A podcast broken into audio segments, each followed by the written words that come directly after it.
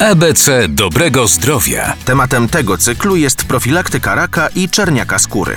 Wprawdzie liczba zachorowań na czerniaka w Polsce podwaja się średnio co 10 lat, ale jest to także jeden z nielicznych nowotworów, które możemy wykryć sami i jeśli zostanie szybko zdiagnozowany, skutecznie poddaje się leczeniu.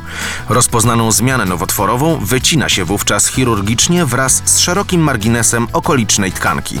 Jeśli choroba nie jest w zaawansowanym stadium, w przypadku ponad 90% chorych udaje się całkowicie pokonać chorobę.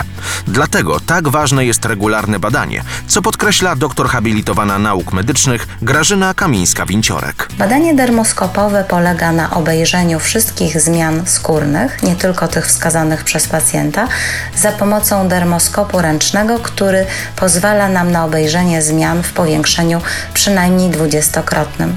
Badanie jest niebolesne, łatwo powtarzalne i można je wykonać w każdym gabinecie. Nazywane jest również badaniem jednej minuty przed czerniakiem, ponieważ zbadanie wszystkich zmian średnio zajmuje nam właśnie tą jedną minutę, która jest w stanie uratować życie naszego chorego. Kampania społeczna Planuje Długie Życie, realizowana w ramach Narodowej Strategii Onkologicznej we współpracy z Ministrem Zdrowia.